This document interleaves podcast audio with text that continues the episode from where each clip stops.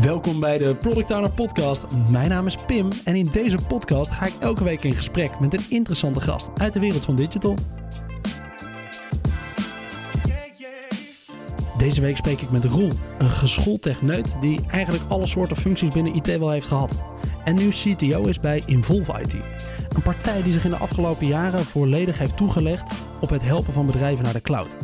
Voorbeeldje, ze maakten deze stap voor Greenwheels en hielpen het digitaal medisch knooppunt Vecozo om van 600 servers in een private omgeving over te stappen naar Azure. Naar de cloud gaan, dat is iets wat je eigenlijk bij elk bedrijf al voorbij hebt komen. In deze aflevering gaan we kijken wat dat nou eigenlijk betekent om van je bezemkast server naar de cloud te gaan.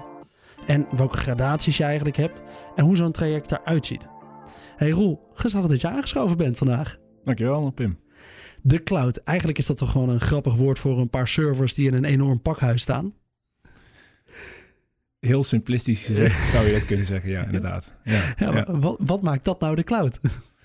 Eh, ja, de cloud is natuurlijk een, een, een ontzettend containerbegrip. Hè. Het is eh, someone else's computer, eh, zoals, ze- zoals ze zeggen. Ehm, maar er zit natuurlijk veel meer achter. Eh, eh, wij praten dan vaak over de publieke cloud, dus de grote partijen zoals, eh, zoals een Microsoft en een eh, van Amazon en Google en, en nog wat andere grote platformen die bestaan. Ja. Dus dat, dat, dat, dat, dat, dat vraagt eigenlijk veel meer. Dat is veel meer dan, dan een, een rek met servers. Ja, Ja. Daar komt veel meer bij kijken. Wanneer is dit een beetje ontstaan, dat, dat cloud en het draaien op andermans servers op die manier? Dat is een hele goede vraag. Eh, Daar zijn natuurlijk meerdere initiatieven geweest, al, al lang geleden. Ja, Eh, wat je natuurlijk zag is dat, dat eh, met name Amazon, want dat zijn eigenlijk een beetje hè, de, de, de pioniers op dit gebied. Dat zij datacenters hadden voor hun eigen, voor hun eigen website, e-commerce. En daar capaciteit over hadden en zoiets hadden van nou laten we dat eens commercieel inzetten en kijken of we dat kunnen verhuren. En dat is een beetje uit de klauwen gelopen. en zo is, dat geldt eigenlijk hetzelfde Ja. voor Google en uiteindelijk Microsoft is ook aangehaakt. En zo hebben die partijen eh wedijveren zeg maar, om, eh, om markt aan de Ah, het komt misschien eigenlijk wel uit hun eigen datacenters die ze al hadden opgebouwd. Ja. Waarvanuit ze eigenlijk zeiden, ja, we, we draaien eigenlijk niet op de capaciteit die we hebben opgebouwd. We kunnen eigenlijk wel een paar rekken eigenlijk eh, verhuren. Ja, ja, zo kun je het zien. Ja? En wat vormt dan inderdaad de essentie van, van de cloud? Is inderdaad someone else's computer, zeg je net. Ja. Hoe, hoe ziet dat eruit? Want het is soms ook nog wel dat het samenwerken van een paar servers, wat zichzelf eigenlijk eh, een beetje ondersteunt of zo, toch? Ja, ja, ja, wat je ziet in de, in de publieke cloud met name is dat we eh, voorheen hadden we natuurlijk ook gewoon in, in, in private cloud omgevingen rekken met servers waar, eh, waar Windows op draait, waar Linux op draait, waar je je applicaties kunt draaien of je, je websites. Ehm, en dat is, dat is eigenlijk helemaal geëvalueerd tot wat het nu is, namelijk veel meer een platform waar je ook SaaS en PaaS diensten op kunt draaien. Dus het is niet meer zo dat je zelf je servertje inricht die je moet beheren en die, dat kan wel Ja. in, in legacy scenario's. Maar je ziet veel meer dat de, de, de het potentieel van de cloud zit in diensten die een cloud vendor, een AWS of een Microsoft voor jou beheert. Waardoor het eigenlijk veel efficiënter wordt om je, je omgeving te draaien van, van klein en groot. Ja. Leuk. Hey, ik ben eh, wel even benieuwd eh, naar die. eh, je zit ondertussen alweer bijna tien jaar bij Involve, vertelde je. Maar je hebt eigenlijk wel veel meer rollen gedaan dan alleen maar de CTO geweest. Ja. Wat, wat voor dingen in de IT heb je allemaal gedaan? Dat is een lang verhaal. Eh, ik draai al het mee. Ik ben ondertussen overigens eh, de tien jaar gepasseerd. Ja? Dus eh, sinds kort bij Involve. En daarvoor, ja, ik ben ooit mijn, mijn grote mensenleven begonnen in, in Eindhoven bij AC Cosmos in de, in de consultancy destijds. Nou, als, je, als je Microsoft kon schrijven, was je al specialist. En dus, dus er was gewoon ja, autootje, telefoon, de laptop en gaan, zeg maar. Ja. Dus eh, echt in een paar jaar tijd heel veel mogen leren over, eh, nou ja, over, over, over IT, hoe die, hoe die wereld werkt, hoe dat je uiteindelijk ook hè, een goed advies bij een klant neerlegt, hoe je het presenteert, hoe je het over de bühne brengt. Veel meer dan alleen techniek. Ja. De wereld destijds was wel iets minder complex dan dat die nu is, maar wel, eh, wel leuk. Dus daar ben ik een beetje opgegroeid in het professionele leven. En toen ik een jaartje 26 was, toen, ehm, nou, toen vond ik dat ik het zelf wel kon. Dus toen, eh, nou, toen ben ik met twee eh, vrienden destijds eh Ecturion begonnen, een IT-bedrijf in het MKB. waar we eigenlijk best wel succesvol waren, ondanks dat we in 2008 midden in de crisis terechtkwamen. Ehm, nou ja, uiteindelijk eh, ehm, ehm, eh, heb ik daar een aantal jaren heel fijn aan, aan meegebouwd. En toen, toen ben ik door nou ja, door verschillende inzichten ben ik uitgestapt. Hebben we, heb ik nog een tijdje als ZZP'er wat buitenlandse projecten mogen doen. In Italië, in Duitsland. Wat hielden die projecten dan in? Wat, wat deed je dan voor iets? Ehm, nou ja, dat was eigenlijk één project in, in, waarin we in 15 landen in Europa IT centraliseerden voor de grootste papierleverancier en, en producent ter wereld. Oké. Ja, was wel heel cool om te doen. 100 eh, vluchten in een jaar, toen was ik wel klaar mee. dan, heb je hem al uitgespeeld. Ja, ja, ja. precies. Dus dat was, uh, dat was heel leerzaam. En toen ben ik eigenlijk, uh, um, ja, eigenlijk voor een korte opdracht destijds bij een Volf terechtgekomen, zo'n tien jaar geleden. Voor, voor drie weken ooit begonnen aan een ontwerp voor een klant. En nooit meer weggegaan. Nooit meer weggegaan. Ja. toen, toen helemaal, want sinds een paar jaar hebben jullie echt helemaal de switch gemaakt naar alles gericht op clouddiensten, toch? Daarvoor deden jullie meer IT-zaken? Ja, ja, dat klopt. Wij zijn uh, van, van origine zijn we een, uh, een, een, een bedrijf wat zich specialiseerde in software bouwen en testen. Ja. Uh, waarbij we eigenlijk al, al vrij snel ehm, ook infrastructuur hebben, hebben aangehaakt. Want we zagen dat daar toch wel een concrete behoefte was en dat we daar ook best wel goed in waren. En die twee zijn natuurlijk best wel complementair aan elkaar. Um, dus um, uh, zo hebben we dat eigenlijk een beetje opgebouwd. Ook traditionele wereld, dus VMware, Citrix, nou, uh, alles wat we kennen vanuit vroeger, zeg maar even. En, uh, en, ik denk dat we nu een jaartje of vier geleden hebben we, drie tot vier jaar geleden, hebben we toch wel de destijds nog best wel stoere keuze gemaakt om te zeggen, joh, we kappen met alles wat oude wereld is, zoals wij dat noemen. En we gaan ons volledig focussen op de publieke cloud. Ja. Um, nou ja, toen was dat nog best wel spannend. Uh, maar, maar nu is dat ondertussen wel echt een gouden greep uh, gebleken. Als je kijkt naar uh, waar we nu staan en hoe we naar de markt kijken en hoe de markt naar ons kijkt. En, en hoe we uiteindelijk gegroeid zijn tot wat we nu, wat we nu zijn. Ja. ja, en als je nu kijkt naar dat publieke cloud. Je hebt inderdaad dus een paar hoofdproviders. Zijn misschien wel inderdaad Google Cloud, AWS en Microsoft Azure. Wat differentieert die partijen? Wat maakt het, het anders wat, wat voor service zij bieden en waarom bedrijven daarop aanhaken? Nou, je ziet dat daarin uh, die, die, sowieso komen alle spelers steeds dichter bij elkaar. Ze kijken heel erg naar elkaar. En je ziet dat uh, met name AWS en Microsoft uh, niet zo heel veel meer voor elkaar onderdoen qua functionaliteit. ze hebben wel allemaal eigenlijk hun eigen sterke punten. Als je kijkt naar, naar, naar, Google, is, is een, platform voor waar je veel start-up ziet, scale-up ziet, waar je veel AI ziet, machine learning. Nou, AWS, daar zie je heel veel grote organisaties landen met, met grote webfarms. Amazon Web Services, naam zegt het al. En wij zien ook heel veel Microsoft in, uh, uh, nou ja, in, de, in de wat traditionelere MKB, MKB Plus bedrijven, waar, waar eigenlijk al kantoorautomatisering een grote rol speelt natuurlijk. Nou, dat, is, dat is eigenlijk uh, midden in Microsoft gebied. dus dan, dan is het logisch om ook, ook daar aan te sluiten. En, en wij zien ook dat Microsoft echt eigenlijk de grootste speler is in Nederland. In tegenstelling tot wereldwijd en zelfs in Europa is, is Microsoft gewoon uh, dominant in Nederland. Nederland is echt een Microsoft-land. Wie is de grootste voor Europa? Dat is AWS. AWS ja. ja, AWS doet gewoon een paar jaar langer mee. Ja. Dus je ziet dat zij, uh, dat zij best wel een voorsprong hebben, historisch gezien. Maar je ziet ook Microsoft nu wel uh, een flinke inhaalslag maken. Ja. Hey, die, uh, ik bedoel dat al eventjes in het introotje. Je hebt het binnen elk bedrijf bijna wel een keertje voorbij horen komen. Moeten we naar de cloud? Uh, wat moeten we met de cloud? Um, wat moeten bedrijven met de cloud?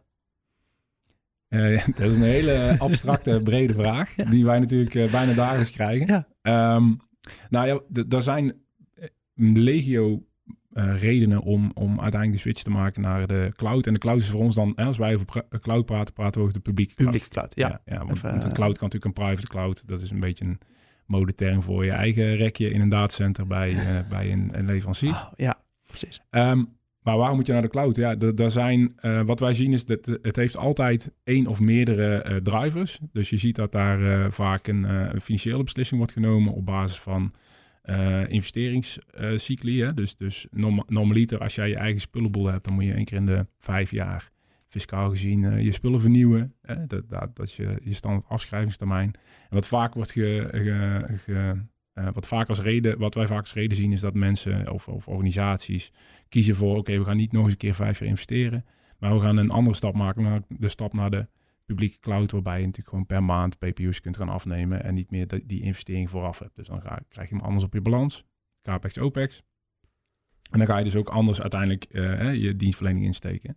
Ja. Uh, dus dat is vaak eigenlijk nog in onze optiek te vaak de driver om te gaan, te gaan overstappen. Ja. ja.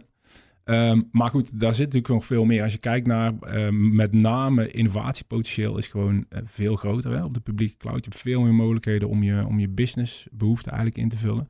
Dus daar vinden wij dat eigenlijk de, de sweet spot zit voor wat betreft de publieke cloud. Omdat je, uh, nou ja, je, je, je gereedschapskist is zoveel groter dan wanneer je het uh, on-premises doet. Dat je, dat je veel meer mogelijkheden hebt om dat, om dat uit te bouwen. Welk gereedschap heb je dan extra? Nou, je hebt, je hebt ehm, alleen al op Microsoft, hè, dat is het platform waar wij natuurlijk het meeste mee doen. Op Microsoft Azure heb je al meer dan 200 diensten uh, beschikbaar om, uh, nou ja, om, om op allerlei manieren je business te faciliteren. Ja, dus ik ben wel betrokken geweest bij bedrijven die de switch hebben gemaakt naar de cloud. Maar ik moet eerlijk zeggen dat ik daar vaak een beetje aan de, aan de gebruikerskant ben blijven hangen op die producten. En niet per se aan de harde IT-kant ben gaan zitten. Dus je moet mij ook wel een beetje meenemen als leek. misschien ook wel wat luisteraars inderdaad. En wat zijn dan de tools die je daar op zo'n uh, service kan pakken? Want inderdaad, ik begrijp wel dat we ergens de computerkracht moesten, moeten hosten. En dat dat ergens eh, dat, dat daar moet draaien. Maar wat kun je er dan daarnaast nog doen? Ja, ik, ik denk dat het meest... Wat houden die services in? Ja, nou het meest treffende voorbeeld, kijk, de Microsoft Cloud kent eigenlijk twee pijlers. Hè. Je hebt Microsoft Azure en Microsoft 365. Nou, het meest concrete voorbeeld is natuurlijk Microsoft Teams. Wat eigenlijk uh, sinds de, de pandemie natuurlijk uh, zo ongeveer de hele wereld heeft veranderd samen met Zoom ja. en nog een paar andere tools. Uh, dat zit daar gewoon in. En dat, en dat geldt ook voor SharePoint, het geldt voor Exchange Online, voor Jammer. Dat, er zijn heel veel functionaliteiten die je aan die kant ziet, die eigenlijk um, vrij makkelijk. vroeger had je een paar weken nodig om iets te implementeren en tegenwoordig zet je het aan en je moet wat vinden van je compliance en je risk en je security. Maar uiteindelijk is het vrij makkelijk om nieuwe diensten te lanceren, die echt meteen en vrijwel meteen impact hebben op de productiviteit van je eindgebruiker. Ja. Mits die eindgebruiker daar natuurlijk klaar voor is en, en een beetje, uh, nou, een beetje uh, IT-volwassen is in die zin dat hij daarmee aan de slag kan gaan. Ja. Nou, en, en dat zie je natuurlijk ook aan de, aan de Azure kant, maar daar gaat het veel meer op, op, uh, op, op hardcore techniek. En dan praten we over, um, nou ja, vroeger had je bijvoorbeeld uh, SQL als meest, meest een van de meest gebruikte database platformen. Nou, tegenwoordig kun je ook SQL afnemen in een managed instance of in een Azure SQL DB of een Elastic Pool. Wat betekent dat je dus niet meer die hele server hoeft te beheren, maar dat je alleen je database hoeft te beheren. Dus dat je veel minder operationeel beheer hebt, veel minder expertise nodig hebt. Je DBA wordt eh, anders geschoold, gaat andere dingen doen. Um, dus dat is maar één voorbeeld. Zo zijn er legio voorbeelden om, uh, om potentieel, het maximale potentieel het Azure te halen of 365. Ja, ja. Nou, dit zijn wel de voorbeelden die mij helpen om te begrijpen uh, waarom doen we dat soort dingen en waarom maken die stap. Want inderdaad, de, de vraag waarmee klanten bij jullie terechtkomen is vaak, nou, vaak dan kostenplaatje. Dat is de reden dat ze op zoek gaan. Nou, een stukje innovatiepersoneel. Wie is de driver daar vaak van? Is dat de IT'er zelf of is dat een business consultant? Kan, kan op alle niveaus. Ja, wat wij zien, wat wij, wat wij tot een paar jaar geleden zagen, is dat er um, hè, dat, dat men bij ons kwam van jongens, we willen iets met cloud, we weten niet precies wat. Ja. Uh, hè, dus dat er echt gekeken werd naar oké, wat zijn je platformen? En we deden een vergelijkend waar onderzoek om te kijken wat past het beste bij jouw behoeften. Nou, tegenwoordig komt vaak de IT-manager of de IT-directeur of een andere uh, vertegenwoordiger van de IT-afdeling bij ons van jongens, we, we willen graag naar Azure. Um, maar we weten niet precies hoe. We weten niet waar we moeten beginnen. Of we weten niet hoe die business case precies uitziet. Ja. Um, dus, dus dan steken we al anders in. En dat kan vanuit techniek gedreven zijn, vanuit een systeemweerafdeling. Dat kan vanuit een development afdeling komen die nieuwe features willen uh, lanceren. Maar dat, dat komt net zo vaak vanuit, vanuit de bovenkant. Uh, als het gaat om, uh, om lang, lange termijn visie van een, een CIO of een CTO. Ja. ja. ja. in welke, je zei het net al eventjes, maar waar begin je? Ja, ja, dat, dat, is de vraag. ja dat is de vraag. Hoe ziet, wat zijn de stappen die je maakt? Als je als, je als partij dus zegt inderdaad, we, we draaien nu iets lokaal uh, op onze servers en we willen eigenlijk over naar Azure. Wat zijn de, als je me een beetje plat slaat, de grote stappen die je dan gaat maken? Ja, dat, daar is geen eenduidig antwoord voor in die zin dat natuurlijk elke omgeving anders is. Uh, Microsoft heeft daar een heel um, nou, relatief complex academisch cloud adoption framework voor, uh, voor, voor bedacht eigenlijk, gebouwd. Um, nou ja, dat, dat, dat is lastig toepasbaar. Dus wat, wat wij met Involve hebben gedaan, is, een, uh, is daar onze eigen Involve Cloud Adoption Framework voor gebouwd. waar we eigenlijk in vijf stappen de klant meenemen van... oké, we staan nu aan het begin, we willen naar Azure, maar we weten nog niet precies hoe. Nou, daar zitten vijf stappen in. We beginnen met een readiness assessment, waarin we kijken van... joh, hoe klaar ben jij als organisatie om, om überhaupt de stap te maken? Um, wat, is, wat kan er wel, wat kan er niet? Wat zijn de mogelijkheden, onmogelijkheden? Waar, is het eventueel, uh, waar, loopt het uh, klem? dan hebben we de planningsfase waarin we kijken, jongens, hoe, hoe ziet dat er dan precies uit? Dan maken we een, een, een, een high-level design, dan maken we een planning bij. alles wat erbij komt kijken om te weten van oké, wat gaan we nou precies doen? Dan doen we daarna doen we een, richten we een competence center in, waarmee we samen met de klant kijken van oké, welke competenties heb je nodig om dit uh, uiteindelijk succesvol over de bühne te brengen. Want wat we natuurlijk veel te vaak zien is dat de klant zegt we willen heel veel zelf doen. Want ze hebben natuurlijk ook een, een, vaak een beperkte beurs of in ieder geval wat minder budget. Ja. En dat zij dan dingen naar zich toe trekken waar ze eigenlijk geen verstand van hebben. Nou, dat proberen dat leren we wel iemand bij ons. Ja, ja precies. Dat kan die wel. Nou ja, dat is net even anders dan. Hè, dat vraagt, de cloud vraagt echt wel een andere manier van denken en een andere manier van doen. Dus, dus hè, het, het, omrekenen van euro's naar guldens, dat doen we niet meer, zeg maar. um, dus dat competence center richten we in om, om samen met die klanten in een partnership uh, de migratie te doen. En uh, daarna is het eigenlijk een kwestie van bouwen. Dus, dus de fase 4 is de Azure Landing Zone, waar we um, op basis van onze jarenlange ervaring een landing zone eigenlijk een fundament hebben ontwikkeld. Waarvan we zeggen, oké, als je dit inricht op Azure, dan dan komt het goed. Hè? Dan werkt het, bouw je nu een, eh, een, een, eh, een huis van drie verdiepingen, maar wordt straks een flat van twintig verdiepingen, dan kan het ook. En dan schaalt het en dan is het modulair en dan hoef je in ieder geval niet uh, alles af te breken om nu te beginnen over twee jaar. mooi. En dan uiteindelijk, als dat allemaal staat en, en het is getest en het, het werkt, dan, dan gaan we de migratie in. Ja, en de migratie is dan vaak ofwel een stuk rebuild, ofwel lift en shift, of een combinatie daarvan, afhankelijk van uh, de tijdslijnen die we met de klanten spreken. Idealiter wil je uh, een applicatie of een functionaliteit ombouwen naar cloud-native functionaliteit. Zodat je eigenlijk het maximale haalt uit de cloud. Precies, niet gewoon direct de switch maken en het overzetten. Nee, ja. nee maar wat we, wat we wel vaak zien is dat we het in twee stappen doen. Dus dat we eerst zeggen, oké, okay, we pakken die on-premise omgeving zoveel mogelijk as is op. We, we uh, optimaliseren waar mogelijk, kosten, maar ook als het gaat om security of, of, of innovatie. Um, uh, maar dan zijn we alvast over, hè? want die business case die voorziet natuurlijk vaak in het sluiten van je oude on-premise datacenter en het draaien op Azure. En dan hebben we vaak daarna een optimalisatiefase waarin we eigenlijk met de klant zeggen van oké, we gaan zorgen dat jouw applicatie cloud native gaat werken op PaaS of op, op, op SaaS. Zodat je eigenlijk ook daar een uh, flinke kostenreductie en, uh, um, en, en daardoor, daardoor ook besparing en, en complexiteit vermindert, zeg maar. Oké, kijk, nou, ik, vind het, uh, ik vind hem goed uit elkaar weten te zetten op die manier. Hey, is er een succes, wat je, een leuke successtory van een klant waar je deze stap met uh, cloud hebt gemaakt, die je met ons kan delen? Zeker, zeker. We hebben, we hebben ondertussen best wel wat referenten verzameld. Die gelukkig ook allemaal wel, wel blij zijn met Involve. nee, dus we, we, hadden het er al even over. Wij, wij, wij leven natuurlijk bij, bij, bij klanten die die heel graag naar de cloud willen, uh, maar die ergens nog een klein beetje expertise nodig hebben, hulp nodig hebben. Nou, je zei het al even in je aankondiging. We hebben inderdaad uh, een aantal grote migraties gedaan bij uh, onder andere Greenwheels, carsharing platform, het grootste van Nederland. die inderdaad ook een, een traditionele omgeving hadden op basis van Windows servers. die we volledig hebben getransformeerd naar een cloud native portaal met alle features daarbij die daarbij horen. En hetzelfde eigenlijk op een wat grotere schaal nog ook bij, bij Verkozo gedaan in, in Tilburg. Um, dat is het, uh, inderdaad het, uh, het, eigenlijk het medisch digitaal knooppunt in de zorg waar alle transacties overheen komen. Die, Niemand kent het, maar wat doen ze? Het. Ja. ja. Ja, Nou ja, als je naar de huisarts gaat of naar de fysio of naar de tandarts en die checkt hoe jij verzekerd bent, dan, dan loopt dat via de systemen van Verkozo en ook de declaratie die daarbij horen. En andersom, als een, uh, een ziekenhuis um, uh, nou ja, zal, laat ik het zo zeggen, als een zorgverzekeraar 100 open hartoperaties wil inkopen, ja. dan kunnen ziekenhuizen via verkozen daar wel op inschrijven. Dus ze hebben 35 diensten, als ik me, als ik me niet vergis. En zij doen op een gemiddelde dinsdagmiddag meer transacties dan de hele pindienst met de, met de kerstperiode. Even om aan te geven dat dat gaat over... De schaal van datatransacties. Mega, uh, ja. over mega veel transacties. Dus je kunt je voorstellen dat daar... Uh, nou ja, dat daar als het gaat om de veiligheid van persoonsgegevens en medische dossiers, dat daar natuurlijk security heel hoog in het vaandel staat. En, uh, en dat dat ook echt wel nou ja, dat het ook echt wel een interessante uh, casus was van, joh, is, is eh, in dit geval Microsoft Azure dan een beter platform dan wanneer we het zelf doen in ons eigen datacenter met, uh, met alle controle die daarbij hoort. Ja. ja, precies. En dan kun je het zelf allemaal beveiligen. En nu zet je het over op een Azure. Dan denk je toch ergens de angst te hebben van het draaien op een extern platform.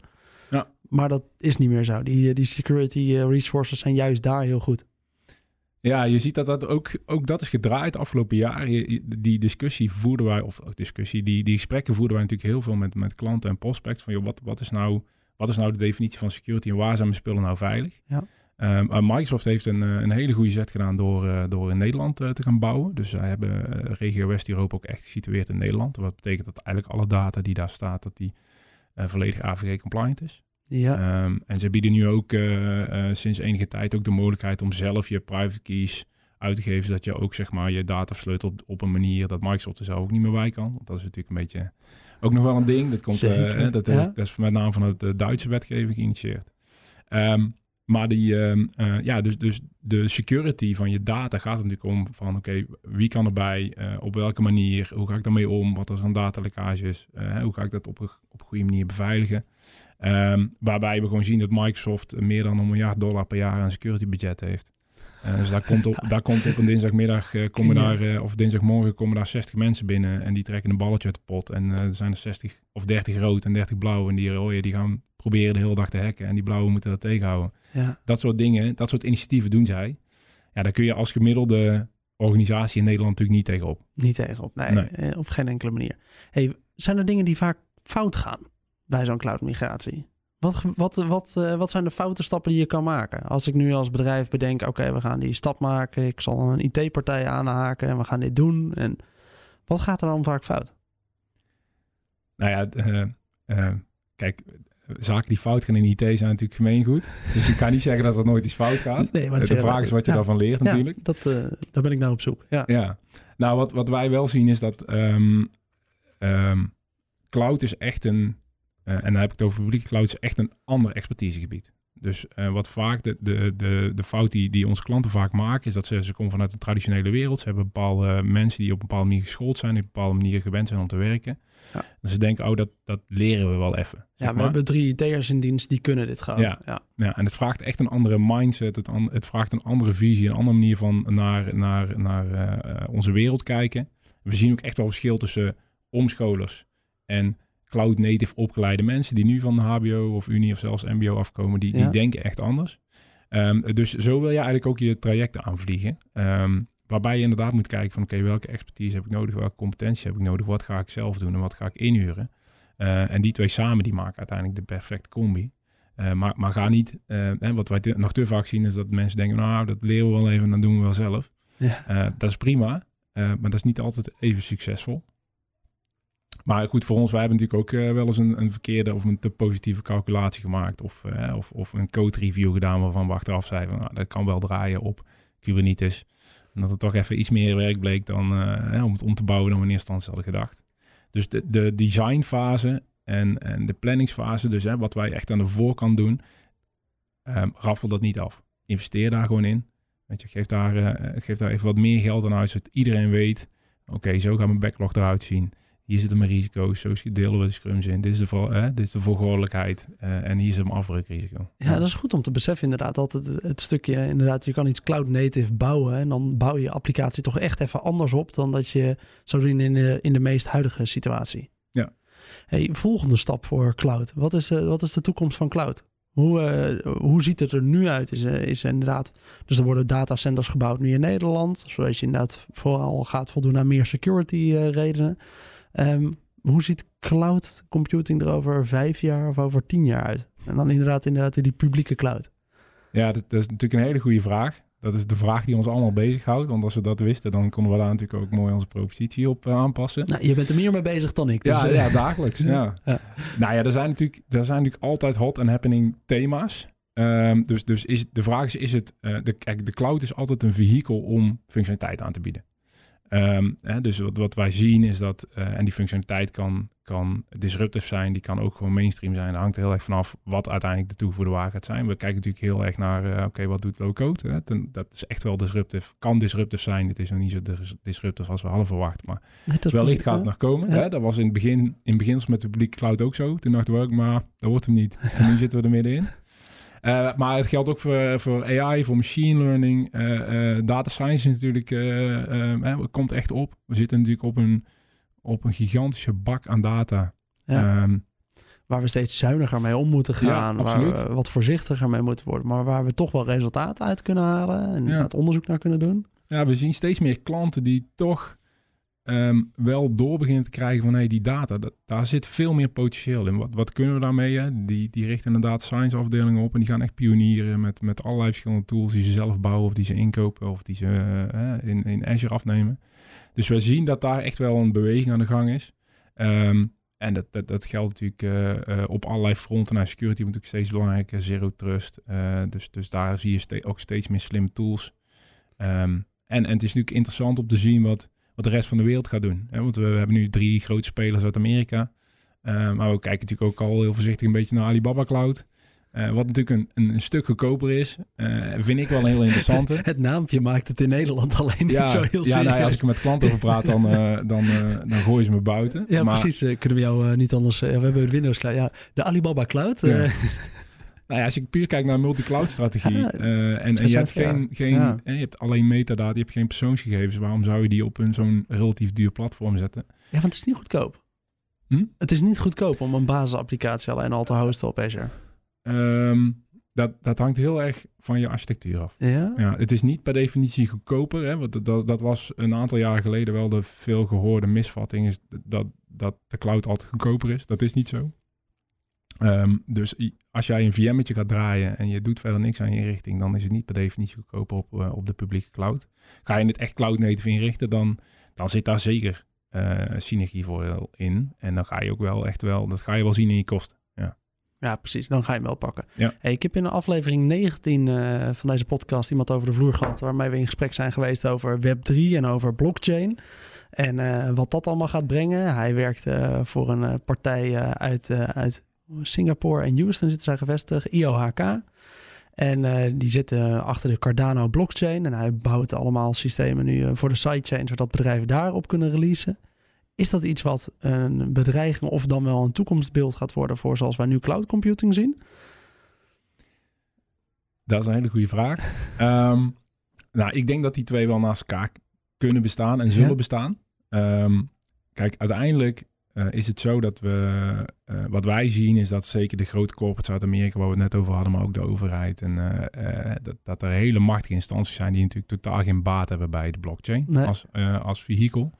Um, dus de vraag is of het... Eh, natuurlijk gaat het... Het is al disruptief en natuurlijk gaat het dingen brengen. En in regio's zoals in Afrika zal het zeker goed doen als het gaat om hè, de bereikbaarheid van mensen. En de, de, ja, de, nou ja, de manier waarop mensen zo meteen over moderne middelen kunnen beschikken. Ja. Um, maar ik denk dat er altijd nog wel een markt zal, zal zijn voor een platform in de vorm van een publieke cloud. Waar je inderdaad sowieso je hele, je hele kantoorautomatisering, je productiviteit kunt doen. Maar ook alle toepassingen die uiteindelijk geënt worden op een, op een blockchain. Ja. Je moet ook ergens draaien natuurlijk. Nee, zeker. Nee, ja. dat, ik, ik zeg ook niet dat het inderdaad het een het ander zal vervangen. Maar ik was even benieuwd of uh, na dat gesprek met Sharif... waar ik echt wel eventjes wat mooie info weer uit ophaalde... dacht ik, ja, ik ben wel benieuwd uh, hoe je daar tegenaan kijkt.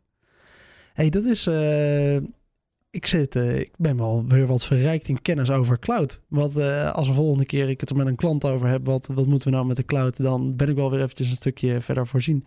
Is er nog een goede les of, een, of iets dergelijks wat je met ons wilt delen over als je met je bedrijf overweegt om iets met cloud te gaan doen? Um, nou ja, dat, dat, is natuurlijk een klein beetje preken voor eigen parochie. Maar ik ga toch zeggen, laat je, laat je goed adviseren. En dat hoeft niet altijd duur te zijn. Wij, uh, wij draaien veel adviestrajecten. Um, uh, dat, dat hangt een beetje natuurlijk af van de, de band die je hebt met de klant. En, en, en, en, en hoe lang je al met elkaar samenwerkt.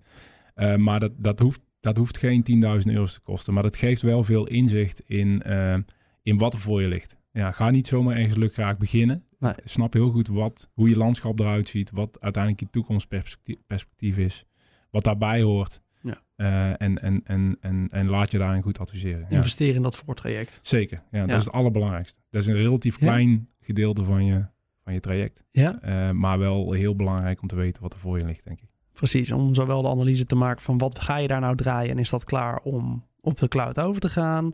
Als zijn de, hoe ga je het vervolgens oppakken en hoe ga je het zometeen borgen? Waar ligt inderdaad die kennisverdeling en uh, de rollen die, die worden opgepakt? Uh, vind het mooi. Ik ben uh, blij met deze podcast. Ik, uh, ik heb je echt uitgezocht als zijnde... ik wil gewoon een keertje hier iets bespreken over, over wat mensen nou eigenlijk moeten met de cloud en waar we naartoe gaan. Mag ik jou nog vragen wat eigenlijk jouw grootste les zou zijn... die je nou, nu na een beetje dit werkleven ondertussen zou geven aan Roel die net uit de studiebanken kwam? Nou, ik- denk dat uiteindelijk, eh, eh, dat is een beetje mijn levenswandel, is gewoon doen. Ja, Ja. Gaan. is- eh, Ja. ja. Ja, Stoot je neus een paar keer en, eh, en gewoon gaan. Dingen ontdekken. Ehm, weet je, eh, vol passie. Uiteindelijk is, is, is passie voor het vak eh, hetgeen wat mij drijft. Elke dag nieuwe dingen doen. ja. En dan, eh, dan kom je een heel eind, denk Kijk, ik. Ja. leuk. Hey Roel, als mensen naar aanleiding van deze podcast vragen hebben, kunnen ze dan bericht sturen via LinkedIn? ja, dat mag altijd. Super, dat is welkom. Roel Rens op, op LinkedIn. En we noemen hem natuurlijk ook nog eventjes in, in onze post. Hey, dan wil ik je enorm bedanken dat je hier vandaag bent aangeschoven en eh, ons allemaal even iets meer hebt bijgebracht over eh, wat we nou doen met de cloud. Wat eigenlijk de stappen zijn die je moet ondernemen. Wat veelgemaakte fouten en juist mooie successen zijn. Dan wil ik alle luisteraars weer bedanken voor het luisteren naar deze aflevering. Ben je benieuwd naar de andere aflevering van deze podcast? Dan vind je die natuurlijk op je favoriete podcast app of op productowner.nl slash podcast. Dan wil ik ook nog even een bedankje uitspreken naar de Hub Studio, van de Breda University, waar we weer gebruik van hebben kunnen maken vandaag. Heb je nog vragen of opmerkingen voor mij? Dan kun je mij ook een berichtje sturen via LinkedIn, dat is Pimpot. Of een mailtje sturen naar pim.productowner.nl. En dan hoop ik dat je de volgende keer weer luistert. Tot dan!